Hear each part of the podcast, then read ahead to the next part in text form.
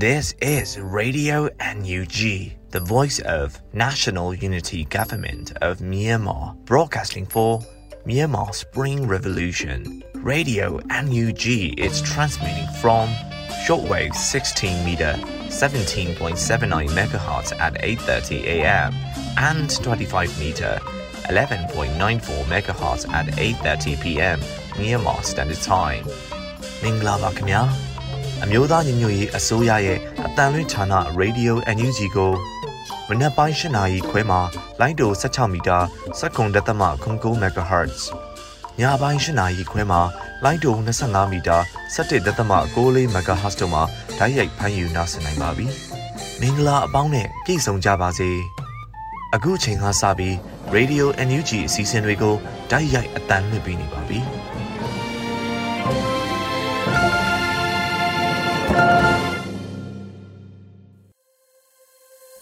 တော်လှန်ပြည်သူတောတာရှင်ပေါင်းစရောကိုပါကျမ်းမာလျက်ဘေးရန်ရဲ့ပေါင်းတို့မှလည်းဝေးကွာကြပါစေကြောင်းရေဒီယိုအန်ယူဂျီကဆုတောင်းမေတ္တာပို့တာပါတယ်ခင်ဗျာဇန်နဝါရီလ28ရက်နေ့မနက်ခင်းထုတ်လွှင့်မှုစီစဉ်တွေကိုစတင်ပါတော့မယ်ပထမဆုံးအနေနဲ့ကာကွယ်ရေးဝန်ကြီးဌာန၏စစ်ရေးသတင်းချင်းချုပ်တွေကိုစောတဲလူနေကဖတ်ကြားပေးပါမယ်ခင်ဗျာ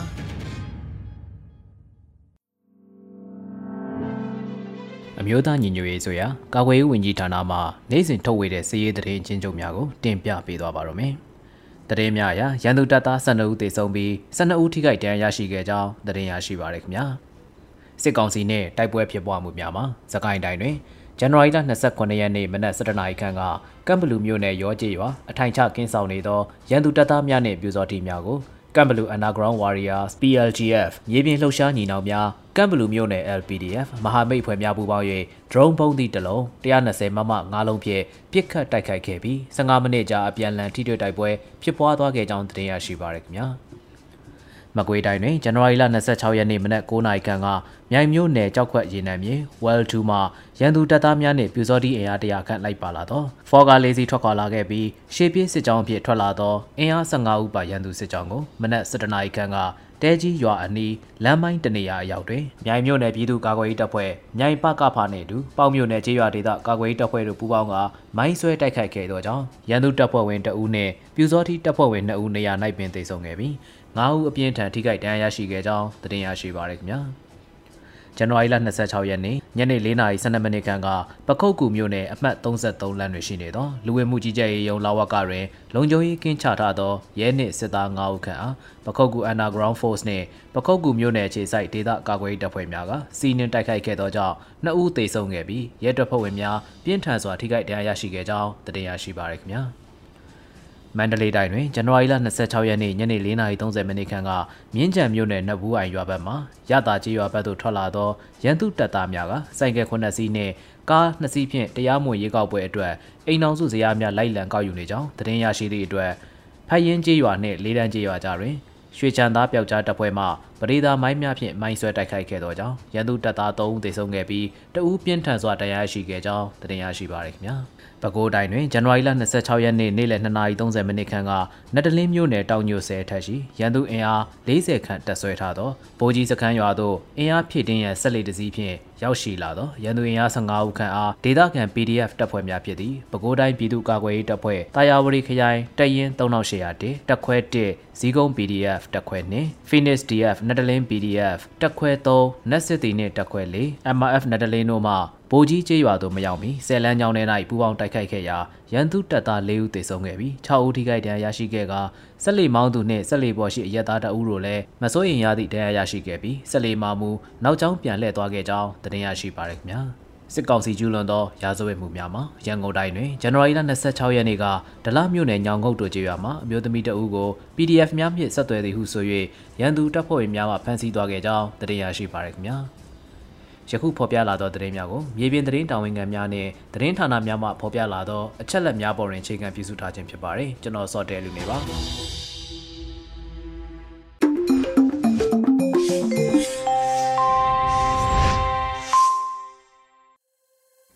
စစ်ရေးသတင်းတွေကိုနားဆင်လို့အပြီးမှာတော့ຫນွေဦးမိုးတင်ပြမယ်နောက်ဆုံးရသတင်းတွေကိုနားဆင်ရပါဦးမယ်ခင်ဗျာမင်္ဂလာပါခင်ဗျာရေဒီယို NUG ရဲ့မနက်ပိုင်းပြည်တွင်းသတင်းများကိုဖတ်ကြားတင်ပြပေးပါတော့မယ် ပထမဆုံးသတင်းပုတ်အနေနဲ့ຫນွေဦးတော်လန်ရေးတွင်အသက်ပေးသွားခဲ့သောသူရဲကောင်းတို့၏စွန့်လွတ်အနစ်နာခံမှုကိုနှလုံးသားတွင်အစင်ထာဝရမော်ကွန်ထိုမှတ်တမ်းတင်ထားမယ်လို့ယာယီတမရဒူဝါလက်ရှိလာမှပြောကြားဆိုတဲ့သတင်းကိုတင်ပြသွားပါမယ်နေဦးတော်လည်းရဲ့တွင်အသက်ပေးသွားခဲ့သောသူရဲကောင်းတို့၏စွန့်လွတ်အနစ်နာခံမှုကိုနှလုံးသားတွင်အစင်ထာဝရ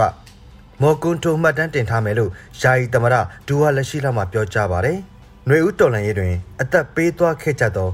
သူရဲကောင်းအာဇာနည်များအပေါ်အမျိုးသားညီညွတ်ရေးအစိုးရယာယီတမရဒူဝါလက်ရှိလာမှပြောကြားခဲ့ပါတယ်။ကျွန်ုပ်တို့သည်နှွေဦးတော်လန်ရေးတွင် အသက်ပေးသွားခဲ့သောသူရဲကောင်းအာဇာနည်များ၏မိသားစုဝင်များနှင့်တသွေးတသားတဲ့ထတ်တူကြေကွဲဝမ်းနဲ့နှမျောတတဖြစ်ရပါတယ်။အားလုံးမျှော်မှန်းတန်ဖိုးထားသည့် Federal Democracy အတွက်ကိုကျိုးစွန့်ခဲ့သောသူရဲကောင်းတို့၏မြင့်မြတ်သောစိတ်ထားနှင့်ရဲစွမ်းတတိတို့ကိုမြန်မာပြည်သူများကလေးစားဥညွတ် ဂါယဝပြုအပ်ပါတယ်။သူရဲကောင်းတို့၏ဆွန့်လွတ်အနစ်နာခံမှုကိုကျွန်ုပ်တို့၏နှလုံးသားတွင်အစင်ထာဝရမော်ကွန်ထိုမှတ်တမ်းတင်ထားမှာဖြစ်ပါတယ်လို့ဆိုပါတယ်။နေဦးတော်လန်ရေးတွင်စစ်အာဏာရှင်စန့်ကျင်ရေးလူထုတပိတ်လှုပ်ရှားမှုနဲ့ပြည်သူခုခံတွန်းလှန်စစ်တို့တွင်ကြာဆုံးသူရဲကောင်းများစွာရှိခဲ့ပါတယ်ခင်ဗျာ။ဆက်လက်ပြီးနိုင်ငံရေးစစ်ရေးကဏ္ဍရဲ့အားလုံးတွင်တော်လန်ရေးအဖွဲ့အားလုံးမှ တိုက်စစ်စင်ဆောင်ရွက်နေတယ်လို့ပြည်ထောင်စုဝန်ကြီးနိုင်သူဝနပြောကြားဆိုတဲ့သတင်းကိုတင်ပြသွားပါမယ်။နိုင်ငံရေးစစ်ရေးကဏ္ဍရဲ့အားလုံးတွင်တော်လန်ရေးအဖွဲ့အစည်းအားလုံးမှတိုက်စစ်စင်ဆောင်ရွက်နေတယ်လို့ပြည်ထောင်စုဝန်ကြီးနိုင်သူဝနပြောကြားလိုက်ပါတယ်။ဇန်နဝါရီ29ရက်နေ့အမျိုးသားညီညွတ်ရေးအစိုးရဂျာကာလာဒေတနရာပြည်သူ့အုပ်ချုပ်ရေးဖော်ဆောင်မှုဗဟိုကော်မတီနဲ့စကိုင်းတိုင်းမကွေးတိုင်းပြည်သူ့အုပ်ချုပ်ရေးအဖွဲ့များတွဲဆုံဆွေးနွေးပွဲမှာဆိုပါတယ်ယခုအချိန်သည်နိုင်ငံရေး စစ်ရေးကဏ္ဍရဲ့အားလုံးတွင်တော်လှန်ရေးအဖွဲ့အားလုံးမှတိုက်စစ်စင်ဆောင်ရွက်နေလျက်ရှိကြောင်းမြေပြင်အုပ်ချုပ်ရေးဖော်ဆောင်မှုသည်အရေးကြီးပြီးအချင်းချင်းချိတ်ဆက်ပြီးဆောင်ရွက်သွားရန်ဖြစ်ကြောင်းအုပ်ချုပ်ရေးဖော်ဆောင်ရာတွင် နိုင်ငံရေးစီးပွားရေးလူမှုရေးပညာရေးကျန်းမာရေးကာကွယ်ရေးအစရှိသည့်များတွင်အာသွန်ခွန်ဆိုင်ဆောင်ရွက်ကြရန်လိုအပ်ကြောင်းဝန်ကြီးကပြောကြားခဲ့ပါတယ်။ထို့နောက်ပခုတ်ကူခရိုင်နဲ့ကမ်ဘလူခရိုင်ပြည်သူ့အုပ်ချုပ်ရေးအဖွဲ့ပါခရိုင်အတွင်း နယ်မြေကွင်းစင်စစ်ဆေးမှုများပေါ်လုပ်ငန်းဆောင်ရွက်မှုများအကြံပြုချက်တုံးတက်ချက်များကိုချပြရှင်းလင်းပြောကြားခဲ့ပါတယ်။အဆိုပါအစည်းအဝေးသို့ဂျာကာလာဒေတန်ဒရာပြည်သူ့အုပ်ချုပ်ရေးဖော်ဆောင်မှုဗဟိုကော်မတီဝင်ပြည်ထောင်စုဝန်ကြီးများဒုတိယဝန်ကြီးများအမြဲတမ်းအတွင်းဝန်များတွဲဖက်အမြဲတမ်းအတွင်းဝန်များဌာနဆိုင်ရာအသီးသီးမှတာဝန်ရှိသူများစကိုင်းတိုင်းမကွေးတိုင်းပြည်သူ့အုပ်ချုပ်ရေးအဖွဲ့ခေါင်းဆောင်များအဖွဲ့ဝင်များတက်ရောက်ခဲ့ကြပါတယ်ခင်ဗျာ ဆက်လက်ပြီးစစ်ကောင်စီတပ်များကမီးရှို့ခဲ့သောကျေးရွာများကပြည်သူများကိုအမျိုးသားညီညွတ်ရေးအစိုးရကအတိအမှတ်ပြုထောက်ပံ့ကူညီဆိုတဲ့သတင်းကိုတင်ပြသွားပါမယ်စစ်ကောင်စီတပ်များကမီးရှို့ခဲ့သောကျေးရွာများကပြည်သူများကိုအမျိုးသားညီညွတ်ရေးအစိုးရကအတိအမှတ်ပြုထောက်ပံ့ကူညီခဲ့ပါတယ်ဇန်နဝါရီ29ရက်နေ့မှာအမျိုးသားညီညွတ်ရေးအစိုးရလူသားချင်းစာနာထောက်ထားရေးနဲ့ဘေးအန္တရာယ်ဆိုင်ရာစီမံခန့်ခွဲရေးဝန်ကြီးဌာနကသတင်းထုတ်ပြန်ခဲ့ပါတယ်။အခုလိုတိုက်ပွဲလည်းမဖြစ်ဘဲနဲ့ကျွန်တော်တို့အိမ်တွေကို အခုလိုဗလိုက်ချုပ်သွားတာကျွန်တော်တို့လည်းတော့တောင်းတာအနေနဲ့ကျွန်တော်တို့စုဆောင်းပြီးတော့မှစောက်ထားတာဒီအိမ်လေးပဲရှိတာပါအခုကျတော့ကျွန်တော်တို့ဒီအိမ်မိရှုခံလိုက်ရတယ်ဆိုတော့ဘယ်မှာနေရမှမသိအနေအစားအချင်းအခုလိုတော့ကြတောင်းရမှာပဲအခုလိုဖြစ်နေရတာဒီလိုတော့သွားတဲ့တက်ကထုတ်သွားတဲ့အတွက်ကြောင့်စစ်တပ်ကအခုလိုကျွန်တော်တို့ NUG ကလည်းကျွန်တော်တို့ပေါ်အခုလိုအတိမလေးပြုပြီးတော့မှ သိရှိကြောင်းနဲ့အခုလိုအတိမလေးပြုပြီးအခုလေးပေးတာလဲကျွန်တော်တို့အတိုင်းနဲ့လုံဝမ်းတာပါတယ်ကျွန်တော်တို့တိုင်းတဲ့အလွန်ကျွန်တော်တို့လည်း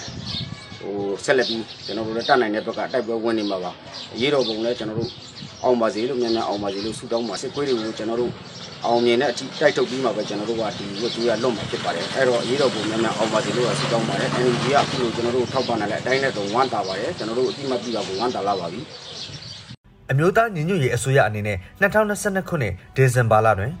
လူသားချင်းစာနာမှုအကူအညီများအတွက်ငွေကျပ်616တသမခွန်ခွန်တန်းထောက်ပံ့ပေးပို့နိုင်ခဲ့ပါတယ်။ဒါအပြင်စစ်ကောင်စီတပ်များကြောင့်မီးရှို့ဖျက်ဆီးခံရသည့်ဒေသများတွင်ယာယီခလိုနေထိုင်နိုင်သည့်နေအိမ်များပြန်လည်တည်ဆောက်ပေးခြင်းစီမံချက်နှင့်ကြောင်းများတွင်ယာယီဘုံခိုခြင်းတည်ဆောက်ရေးစီမံချက်တို့ကိုလည်းဆက်လက်အကောင့်ထဲပေါ်လျက်ရှိပါတယ်။ဆက်လက်ပြီးအကြံပတ်စစ်ကောင်စီကပြဋ္ဌာန်းလိုက်တဲ့နိုင်ငံရေးပါတီများမှတ်ပုံတင်ခြင်းဥပဒေဟာတိုင်းရင်းသားနိုင်ငံရေးပါတီတွေအနေနဲ့ ရက်တီခွင့်ပျောက်ဆုံးနေပြီလို့ချက်နိုင်ငံ NUG ကိုယ်စားလှယ်မှတ်ချက်ပြုဆိုတဲ့သတင်းကိုတင်ပြသွားပါမယ်။အကြံဖက်စစ်ကောင်စီကပြဋ္ဌာန်းလိုက်တဲ့နိုင်ငံရေးပါတီများမှတ်ပုံတင်ခြင်းဥပဒေဟာတိုင်းရင်းသားနိုင်ငံရေးပါတီတွေအနေနဲ့ရက်တီခွင့်ပျောက်ဆုံးနေပြီလို့ချက်နိုင်ငံ NUG ကိုယ်စားလှယ်ကမှတ်ချက်ပြုဆိုလိုက်ပါတယ်။ဇန်နဝါရီ29ရက်မှာချက်နိုင်ငံ NUG ကိုယ်စားလှယ်ဦးလင်းတန်းကဆိုပါတယ်။အကြံဖက်စစ်ကောင်စီကအတုအယောင်ရွေးကောက်ပွဲကိုသူ့နိုင်ငံရေးထွက်ပေါက်အဖြစ် ပုံဖော်နေတယ်။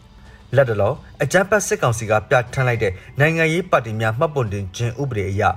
ကြံ့ဖွင့်ကလွဲပြီးကြံနိုင်ငံရေးပါတီများရဲ့ဖြစ်တည်မှုကိုတားဆီးပိတ်ပင်လိုက်တာပါပဲဒီထဲမှာတိုင်းရင်းသားနိုင်ငံရေးပါတီတွေအနေနဲ့တပ်ဆိုင်ရာပြည်နယ်တွေမှာဘလို့မှတရားဝင်ရက်တူခွင့်မရှိတော့ဘူးဒီလောက်ရှင်းနေတဲ့အကြမ်းဖက်စစ်ကောင်စီရဲ့သဘောထားကိုတိုင်းရင်းသားနိုင်ငံရေးပါတီတွေနဲ့တကွတိုင်းရင်းသားအားလုံးအမှန်မြင်ပြီးအမြင်မှန်မှန်နဲ့အကြမ်းဖက်စစ်ကောင်စီ နှိကုန်းချုပ်ဖို့တိထက်ပိုပြီးဟန်ချက်ညီညီဝိုင်းစ조사ကြဖို့ပဲရှိတယ်လို့ဆိုပါတယ်အကြမ်းဖက်စစ်ကောင်စီကအသစ်ပြထမ်းလိုက်တဲ့ဥပဒေမှာပြည်ထောင်စုတဝန်လုံးစီယုံမဲ့ပါတီဟာအ ਨੇ ဆုံးပါတီဝင်တသိန်းကိုရက်60အတွင်းစီယုံရမှာဖြစ်ပြီးတိုင်းနယ်ပြည်နယ်တစ်ခုတည်းအတွင်းမှာပဲစီယုံမဲ့ပါတီဆိုပါကအ ਨੇ ဆုံးပါတီဝင်တထောင်ကိုရက်60အတွင်းစီယုံနိုင်ရမယ်လို့ပြင်ဆင်ပြဋ္ဌာန်းလိုက်ပါတယ်။ ဒါအပြင်ပြည်ထောင်စုတဝန်လုံးမှာစီယုံမဲ့ပါတီဆိုရင်ပါတီရန်ပုံငွေကျပ်သိန်းတထောင်ကိုမြမစီးပွားရေးဘဏ်တစ်ခုခုမှာငွေစည်ရင်ဖွင့်လှစ်ထားပြီးဖြစ်တဲ့အထောက်အထားကိုပါတင်ပြရမှာဖြစ်ပါတယ်။ဆက်လက်ပြီးကလစ်လောက်သူများယော့နေလာ၍ဝင်ငွေယော့နေလာကြောင်း click to donate အတိပေးဆိုဆိုတဲ့သတင်းကိုတင်ပြသွားပါမယ်။ click to donate က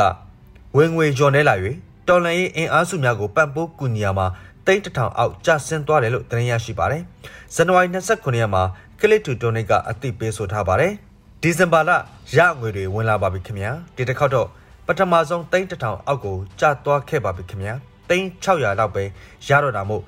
တစ်ဖွဲ့30ဆိုရင်တော့အဖွဲ20ပဲပေးနိုင်တော့မှာဖြစ်ပါတယ်။ဇန်နဝါရီလအခြေအနေအရနောက်လမှာပိုတောင်နဲပါအောင်မယ်။ကလစ်တဲ့လူများလာဖို့ဘလို့မှလှုပ်ဆော်လို့မရတော့တာကြောင့်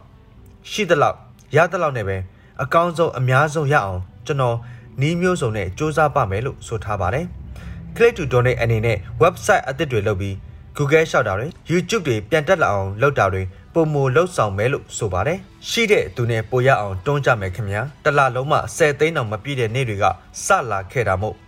စိတ်သက်ကြစရာလည်းမရှိသလိုမအောင်မြင်မချင်းဘယ်တော့မှလည်းလက်မလျှော့ပါဘူးလို့ Click to Donate ကဆိုပါတယ် Click to Donate ဟာပြည်သူများကလစ်နဲ့၍ရရှိသောဝင်ငွေများမှတော်လှန်ရေးအင်အားစုများကိုပြန်လည်ထောက်ပို့ခြင်းဖြစ်ပါတယ်ခင်ဗျာ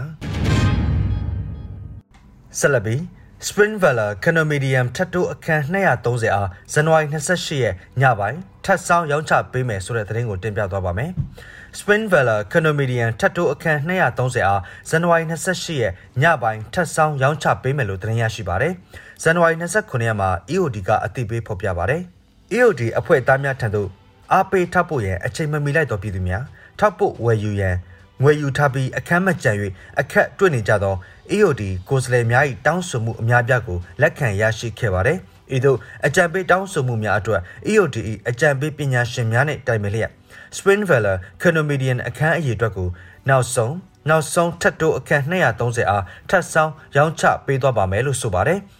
2023ခုနှစ်ရဲ့ပထမဆုံး EOD project ဖြစ်တဲ့ Spring Valley Condominium ရဲရင်ຫນွေဦးကွန်ဒိုဟာအခန်း990ကြိုတင်ပေးငွေဒေါ်လာ10.35တန်းကို18နိုင်အတွင်းရောင်းချပေးနိုင်ခဲ့ပါတယ်။ထပ်တိုးအယောင်ဖွင့်လှစ်မိအချိန်မှာမြန်မာစံတော်ချိန်28ရက်ဇန်နဝါရီ2023ခုနှစ်ည9နာရီတိတိဖြစ်ပါတယ်ခင်ဗျာ။ ဆက်လက်ပြီးကချင်ပြည်နယ်မြကြီးနားမှာစစ်ကောင်စီရဲ့ထွေအုပ်ကပုံမှန်144ထုတ်ပြန်ထားဆိုတဲ့သတင်းကိုတင်ပြသွားပါမယ်။ကချင်ပြည်နယ်မြကြီးနားမှာစစ်ကောင်စီရဲ့ထွေအုပ်ကပုံမှန်144ထုတ်ပြန်ထားတယ်လို့သတင်းရရှိပါတယ်။ဇန်နဝါရီ29ရက်မှာပြည်ထောင်စုဝန်ကြီးဒေါက်တာတူးခွန်ကလည်းအသိပေးဆိုထားပါတယ်။မြကြီးနားမှာ144ထုတ်ထားတယ်နော်။အမျိုးတွေတွာလာတတိရှိကြပါ။ တရေကွင်းဥပဒေမို့လို့သူတို့ဆွဲဆန့်ကျင်တဲ့လောက်ဆန့်သွားနိုင်တယ်လို့ဆိုပါတယ်အဆိုပါအကြမ်းဖက်စစ်ကောင်စီရဲ့ပြည်내ထွေအုပ်ကထုတ်ပြန်ချက်အရကချင်ပြည်နယ်မြကြီးနားမြို့မှာလူ9ဦး9ဦးထပ်ပို့သောလူအများစုဝေးခြင်းမပြုဖို့နဲ့ည10နာရီမှနနက်4နာရီအတွင်းညမထွက်ရအမိန့်ကိုစစ်ကောင်စီဘက်ကကြေညာထားတာဖြစ်ပါတယ်ခင်ဗျာဆက်လက်ပြီးရေးမြို့ဝယ်စဉ် ဝယ်ပေါင်ရွာဟောင်းရွာများတွင်ရေဘလူးတည်င်းလိုက်ယူနေသောပြူနှစ်ဦးတေဆုံးဆိုတဲ့သတင်းကိုတင်ပြသွားပါမယ်။ရင်းမြို့ဝယ်စဉ်ဝယ်ပေါင်ရွာဟောင်းရွာများတွင်ရဲဘလူးတရင်လိုက်ယူနေသောပြိုနှက်ဦးတေဆုံးခဲ့ပါတယ်။ဇန်နဝါရီ29ရက်မှာရဲဘလူးအဖွဲ့ခေါင်းဆောင်ကအသိပေးဆိုပါတယ်။ဇန်နဝါရီ29ရက်နေ့ရဲမြို့ဝယ်စဉ်ဝယ်ပေါင်ရွာဟောင်းတွေမှာရေဘလူးတရင်လိုက်ယူနေတဲ့ခေါင်းစိမ်းလက်အောက်ခံပြူနှစ်ဦးကိုပစ္စည်းတွေနဲ့အတူ 3နာရီ30မိနစ်မှာအနားပေးလိုက်တယ်လို့ဆိုပါတယ်စစ်စင်ရေးမှာအဖွဲ့သားများထိခိုက်မှုမရှိဘဲတနက်အတူနှစ်လက်တင်ဆက်ရမိခဲ့ပါတယ်ခင်ဗျာ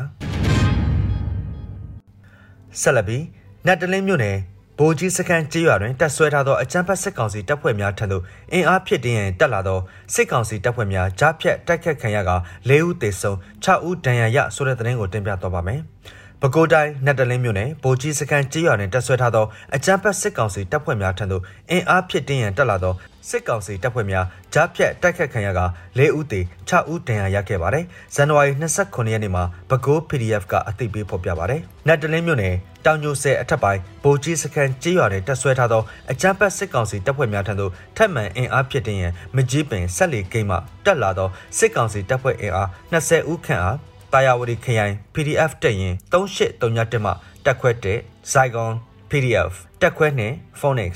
တက်ခွဲ3 Net City နဲ့တက်ခွဲ4 MRF ပူးပေါင်းတပ်ဖွဲ့တို့ကဇန်နဝါရီ26ရက်နေ့ မွန်လွယ်2နာရီခွဲအချိန်တွင်ကြားဖြတ်တိုက်ခတ်ခဲ့ပါတယ်လို့ဆိုပါတယ်။အဆိုပါကြားဖြတ်တိုက်ခတ်မှုတွင်အကြမ်းဖက်စစ်ကောင်စီတပ်ဖွဲ့ဝင်၄ဦးသေဆုံးပြီး6ဦးအပြင်းထန်ဒဏ်ရာရရှိခဲ့တယ်လို့သတင်းရရှိပါတယ်။အထိနာသွားသောစစ်ကောင်စီတပ်မှပြန်လည်ဆုတ်ခွာသွားပြီးတော်လှန်ရေးတပ်ဖွဲ့ဝင်များမှအထိအခိုက်မရှိဘဲအောင်မြင်စွာဆုတ်ခွာနိုင်ခဲ့ပါတယ်ခင်ဗျာ။ဟုတ်ကဲ့အခုတင်ပြပေးခဲ့တဲ့သတင်းတွေကိုတော့ Radio NUG သတင်းထောက်မင်းမင်းကပေးပို့ထားတာဖြစ်ပါတယ်ခင်ဗျာ။ကျွန်တော်ຫນွေဦးမိုးပါ။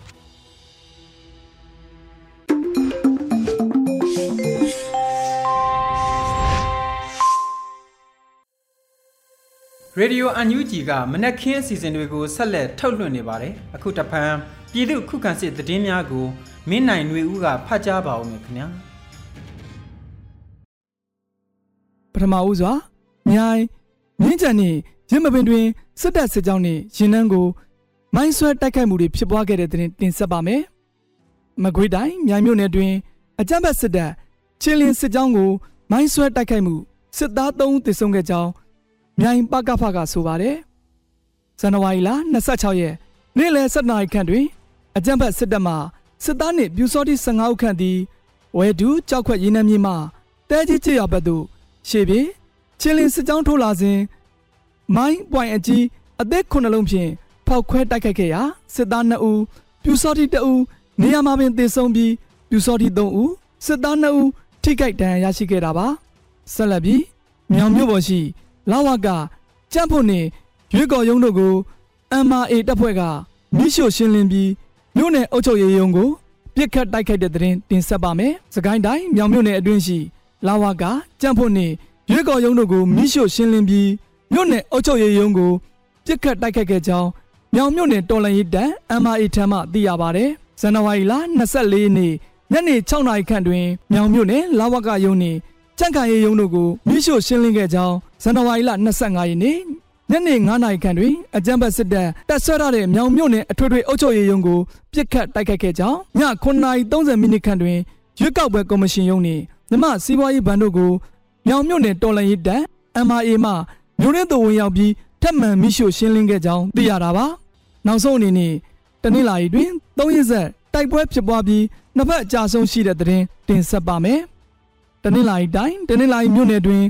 ၃ရက်ဆက်တိုက်ပွဲဖြစ်ပွားပြီး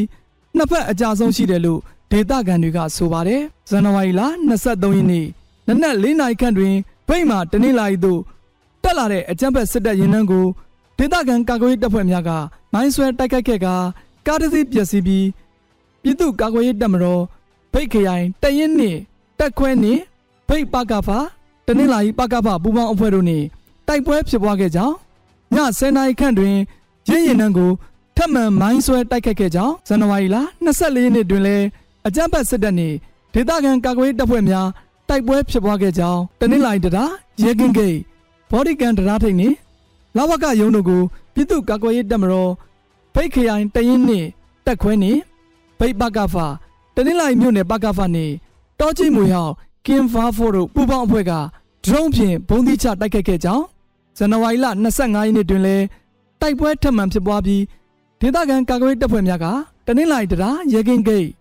ဘော်ဒီကန်တရာထိတ်နေလာဝကယုံတို့ကိုဒရုန်းဖြင့်ထပ်မံဘုံသီးချတိုက်ခိုက်ခဲ့ကြောင်းအဆိုပါ၃ရက်တာထိတစ်တိုက်ပွဲများအတွင်အကြမ်းဖက်စစ်တပ်ဘက်မှ30တက်မင်းသေဆုံးခဲ့ကြောင်းဇန်နဝါရီလ25ရက်နေ့တိုက်ပွဲတွင်ဖိတ်ပြည်သူ့ကာကွယ်အဖွဲ့ပကဖမှရဲဘော်2ဦးတနင်္လာရီပကဖအဖွဲ့မှရဲဘော်2ဦးတိုက်ပွဲအတွင် ကြဆုံးခဲ့ကြောင်းဖိတ်ပြည်သူ့ကာကွယ်အဖွဲ့ပကဖမှသိရတာပါ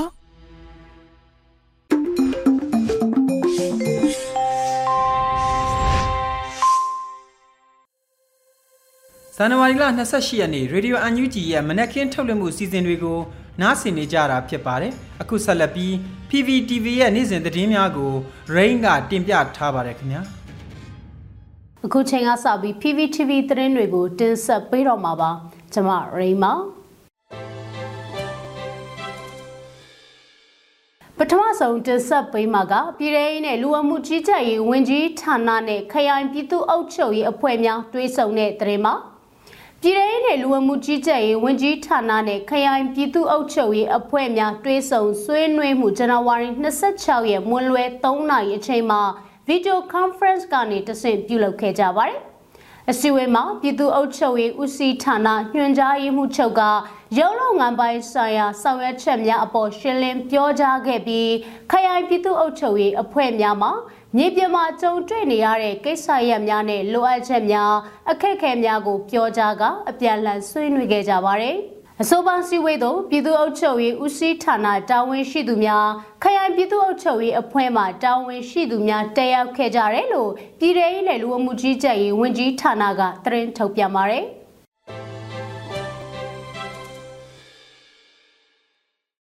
ဆက်လက်တင်ဆက်ပေးမှာကအကြမ်းဖက်စစ်ကောင်စီအတွက်ရိတ်ခါတဲပေးနေတဲ့ခရီးသည်တင်ကားရွှေပလဲတီကိုပလောဒေတာကာကွယ်ရေးတပ်ဖွဲ့ကတရီပေးပြစ်ခတ်မှုပြုလုပ်တဲ့တဲ့မှာ အကြမ်းဖက်စစ်ကောင်စီအတွက်ရိတ်ခါပစ္စည်းတွေတည်ယူပို့ဆောင်တာတွေလုပ်ပေးနေတဲ့ခရီးသည်တင် Express ကရွှေပလဲတီကိုဘလောဒေတာကာကွယ်ရေးတပ်ဖွဲ့ PRDF ကတရီပေပြစ်ခတ်မှုပြုလုပ်ခဲ့တယ်လို့ဒီနေ့မှသတင်းထုတ်ပြန်ပါတယ်။ထုတ်ပြန်ချက်မှာဇန်နဝါရီ26ရက်ကကဒဲရွာအနီးစစ်စင်ရေးဂိတ်မှာ အကြမ်းဖက်စစ်ကောင်စီများအတွက်ရိတ်ခါပစ္စည်းများတည်ယူပို့ဆောင်ပေးနေတဲ့ရွှေပလဲသည့် Express ကားကိုမွန်းလွဲ7နာရီခွဲမှာတရီပေပြစ်ခတ်မှုတွေပြုလုပ်ခဲ့တာလို့ဖော်ပြထားပါတယ်။အခုလိုလုပ်ရတာကလည်းအကြမ်းဖက်စစ်ကောင်စီအတွက်ရိတ်ခါပစ္စည်းတွေတည်ယူပို့ဆောင်ရေးမလုပ်ဖို့အကြိမ်ကြိမ်သတိပေးတားမြစ်တဲ့ကြားတွေကဆက်လုံနေတဲ့အတွက်ဖြစ်တယ်လို့ဖော်ပြထားပါတယ်။ ဒီလိုသတိပေးမှုလှုပ်ဆောင်ရမှာဘလောဒေတာကာကွယ်ရေးတပ်ဖွဲ့ PRDF ကခရီးသည်အလုံးကိုကားပေါ်ကဆင့်ခိုင်းပြီးမှသာရင်လိုင်းကိုအပြည့်အထန်သတိပေးလိုက်တဲ့ရည်ရွယ်ချက်နဲ့ပြစ်ခတ်တာဖြစ်တဲ့ဆိုတာနဲ့ပြစ်ခတ်မှုအပြီးမှာကားပေါ်ကမှန်ကွဲစာတွေကိုပြန်လည်ရှင်းလင်းပေးခဲ့တယ်လို့ဖော်ပြထားပါတယ်။ ဒါပြင်ကားပေါ်မှာလိုက်ပါလာတဲ့ခရီးသည်ပြည်သူအလုံးကိုအဲ့ဒီဖြစ်စဉ်ကြောင့်စိတ်အနှောက်အယှက်ဖြစ်ရရင်အနုအညွတ်တောင်းပန်နေဆိုတာနဲ့နောက်အခါမှာရွှေပလဲသည့်ရင်လိုင်းကိုရှောင်ကျဉ်ကြဖို့ပြောကြားခဲ့တယ်လို့ဖော်ပြထားပါတယ်ဘလောဒေတာကာကွယ်ရေးတပ်ဖွဲ့ PRDF အနေနဲ့ဆီယနာရှင်အမြင့်ပြတ်တဲ့အထိဆက်လက်တိုက်ပွဲဝင်နေမှာဖြစ်တဲ့ဆိုပြီးတော့လည်းအသိပေးထုတ်ပြန်ထားပါတယ်။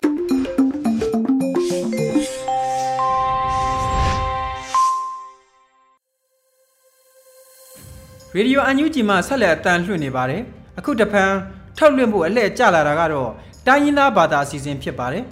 ချိုးချင်းဒိုက်ဘာသာစကားထုတ်လွှင့်မှုအစီအစဉ်ကိုထုတ်လွှင့်ပေးလိုက်ပါတယ်ဒီအစီအစဉ်ကိုချိုးချင်းဘာသာထုတ်လွှင့်မှုအဖွဲ့နဲ့ရေဒီယိုအန်ယူဂျီတို့ကပူးပေါင်းတင်ဆက်ထားတာဖြစ်ပါတယ်ခင်ဗျာ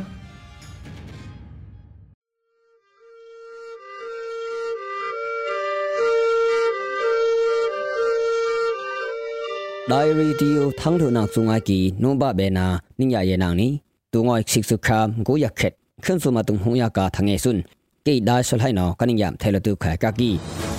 အခစကာမင်တမ်လွန်ဟေယာဆေစပူနောခါနုံအယာကာလောဖုစင်ပရောကီယေဆွန်းမင်တတ်ပခောက်အုံနောထငုံအက်ပရောတီယထန်းအန်ဟိနာကာမင်တတာဆေစပူနောခါနုံအယာတုလောဟင်အနိဝေအမ်အထင်တီယာအန်စင်တေနန်နီတီလူ CNF နောအပန်တီယထန်း ဟာခမ်လူအာဆက်ဆန်ဟိအနိယာဟိမိုစန်ဟမန်အနိရိုင်တျာသန်ဘီနိငိုင်ခယနီအဖုနာကာအစုံလမ်တုခွန်ဟေတောင်ပိုင်းတိုင်းစီတီတာ NUG နော်စန်ဟက်ရဘဘဲတုကီတျာသငေနိငိုင်ခယကကီနီ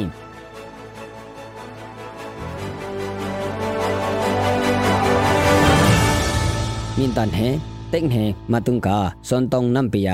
สิกสุคามกูยามาตุงเซซาปูนอ พนากาอสุมลำตุกคนเฮตองบังแดงซิตีตา NUG เนาะเซนเฮยาเบเบตุกีเตียทังเงนี่ยังไงขยกักกินี min tan he tek he matung ka son tong nam pe ya sik su kham ku ya matung se sapo no khanung ya ka bailu sim brok ki sun min dat pa khok up thak pra bu no thangong anik pra wa ka kini asunam hnup khom than thanglung brok sun choa jet fighter matung hiwi bung aya kha waisia kaki nduk ku ve hakya ahik ba aya tukwa phu pami mat ya homi mat lep ki hoi anitia kaki siksu kram ngku yang him thup ngoi lam nai halia tung pi min tam lu akhulu hong wat sa sen het dumung wam sung nam dam havik thui ya kap ulu ak lep su kum hum hata kakini se sapu no ahik ba aya tu lwa phu nam ma ak lep da sun anin hun im hoi hut lu sen ikie ti lu thangong hwa kakini siksu kram am nup khu ya ngku yak thumang lak khom hum khalim ha um hinung se sapu no khana khulu khet wik thui aya ka tilu min dat pakhok um no thangak pra ka ki ahik ba aya tu ka phu pa tam ku im pa dai asok a ung im lo we ya tum phen e nang thune sim brok ye ka ki se za pu no aning dui kho wa ya mkot sui ulu we ku ahimang singnak anim dan ni tilu cnf cne no tu kham ku ya matung ပါတမ်ကူအင်ပါဒိုင်အဆောက်အုံအင်လိုဝဲယာတုံဖန်အင်းနန်ထုနေစင်ဘရော့ကီကကီစေဇပူနောအနင်းလူခေါ်ဝါယာကော့ဆွီဥလူဝဲကုအဟိမန်စင်နန်အနိမ်ဒန်နီတီလူ CNF CNE နောတူခမ်ကူယမတုံသံအနိပရာကကီစေဇပူအာဆူယအဒုဒဝေငတုပဝိုင်ဖက်ဒရယ်ဒီမိုကရေစီလူဝါယာဖွာထွေလူငတုဘီဝိုင်အနိတယာကကီစေဇပူဟင်နော tu kha um hinung cnf ngo thun puikia min tan he ya aksem pakho tuk po puya ya nan ve nak sun kha yongong atuk huwa kakini se sapu no khan asum e lo phu im seng khong pe no khan khon he ko ya sum e sakwa ya nu chi no tu kha halik khu no bung thang be pra ko lu pi im seng no i ani pen ti sun ku mu yak be kakini un secretary ba pe aphu peng su ku sale na pi tu kum khokum thong hi kunum ku yang hi khuinu kha umong pi se sang wai min ong thai ngong khan ku asum i wa ya the khwa kia ka ki sun ko lo pi min ong thai no pen pet kia ka kini ha kham lu cho buk mlu khna tu kham ku yam ham thupung se sapu ania ka ka ki tilu CDF ဟာခါနောသငါပရာကကီစေဆန်းဟီတီလူစန်ဟန်မ นินหูฮัลิกทุมฮบจนุงปีฮาคาซีหอมลุขนามชุมซอนวายพุสลามคุมหุกีปุลิกยากาบุลือมัดที่ลือทุบถุยเล็บกีติลือทังงหัวกักกินีเซซาปัวชุมซอนปอยุงกุงปุยไวมปุยกีอาโอปีมซึมสิงไวติลือซีทีเอฟฮาคานอตูคามอัมหุบกองยามสวยเกียกักกีอาสุมลำตุกคนเฮ PDF จะติดเน็ต ตุงนิ่งเทงปงนักสุนตุคามกูอยากพิมเฮปุงบีอูลู NUG MOT นอเซนเฮยาเปเบตุกีเตียทังหัวกากินีอาสุอังตุกคนเฮตามายนอ NUG Union Prime Minister มกุยศึกษาตะวันทวายา NUG MOT ยามกุยศึกษาตะวันทวายากปราเกียกากี PDF จัตินเน็ตสองปรังเอลายาเซนเฮ ดบีโลปุกยาตุกนิ่ง VIB สุงคำนิ่งยาอักเลมอังสุงเสงายาทาลามนิ่งเอยามดัดเกียกากี NUGMOT นอมเซนเฮดยาเปอุลู Union Prime Minister นอมอายาเป็ดขึ้นติ้งฮาปีอันนี้ยามชุมติลูทั้งหัวกากินี NUG หินนออาสุมลำตุกคนแห่งกาโกบรายาตอนักตุกปอยงปีเซนเฮดยาเปขอยเกี ဟင်ရရဲ့အင်းနီလောဘဲတူကင်ခွန်းစုံတူတီယာဟင်ခုမ်ဘဲတူကွန်ဦး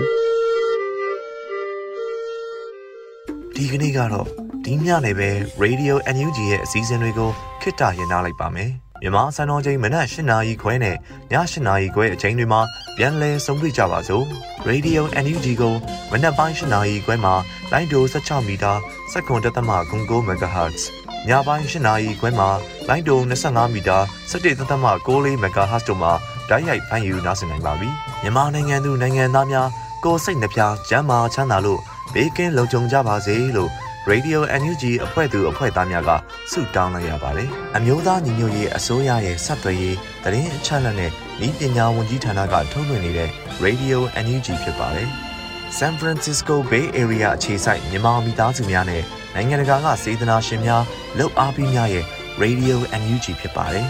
။အရေးတော်ပုံအောင်ရမည်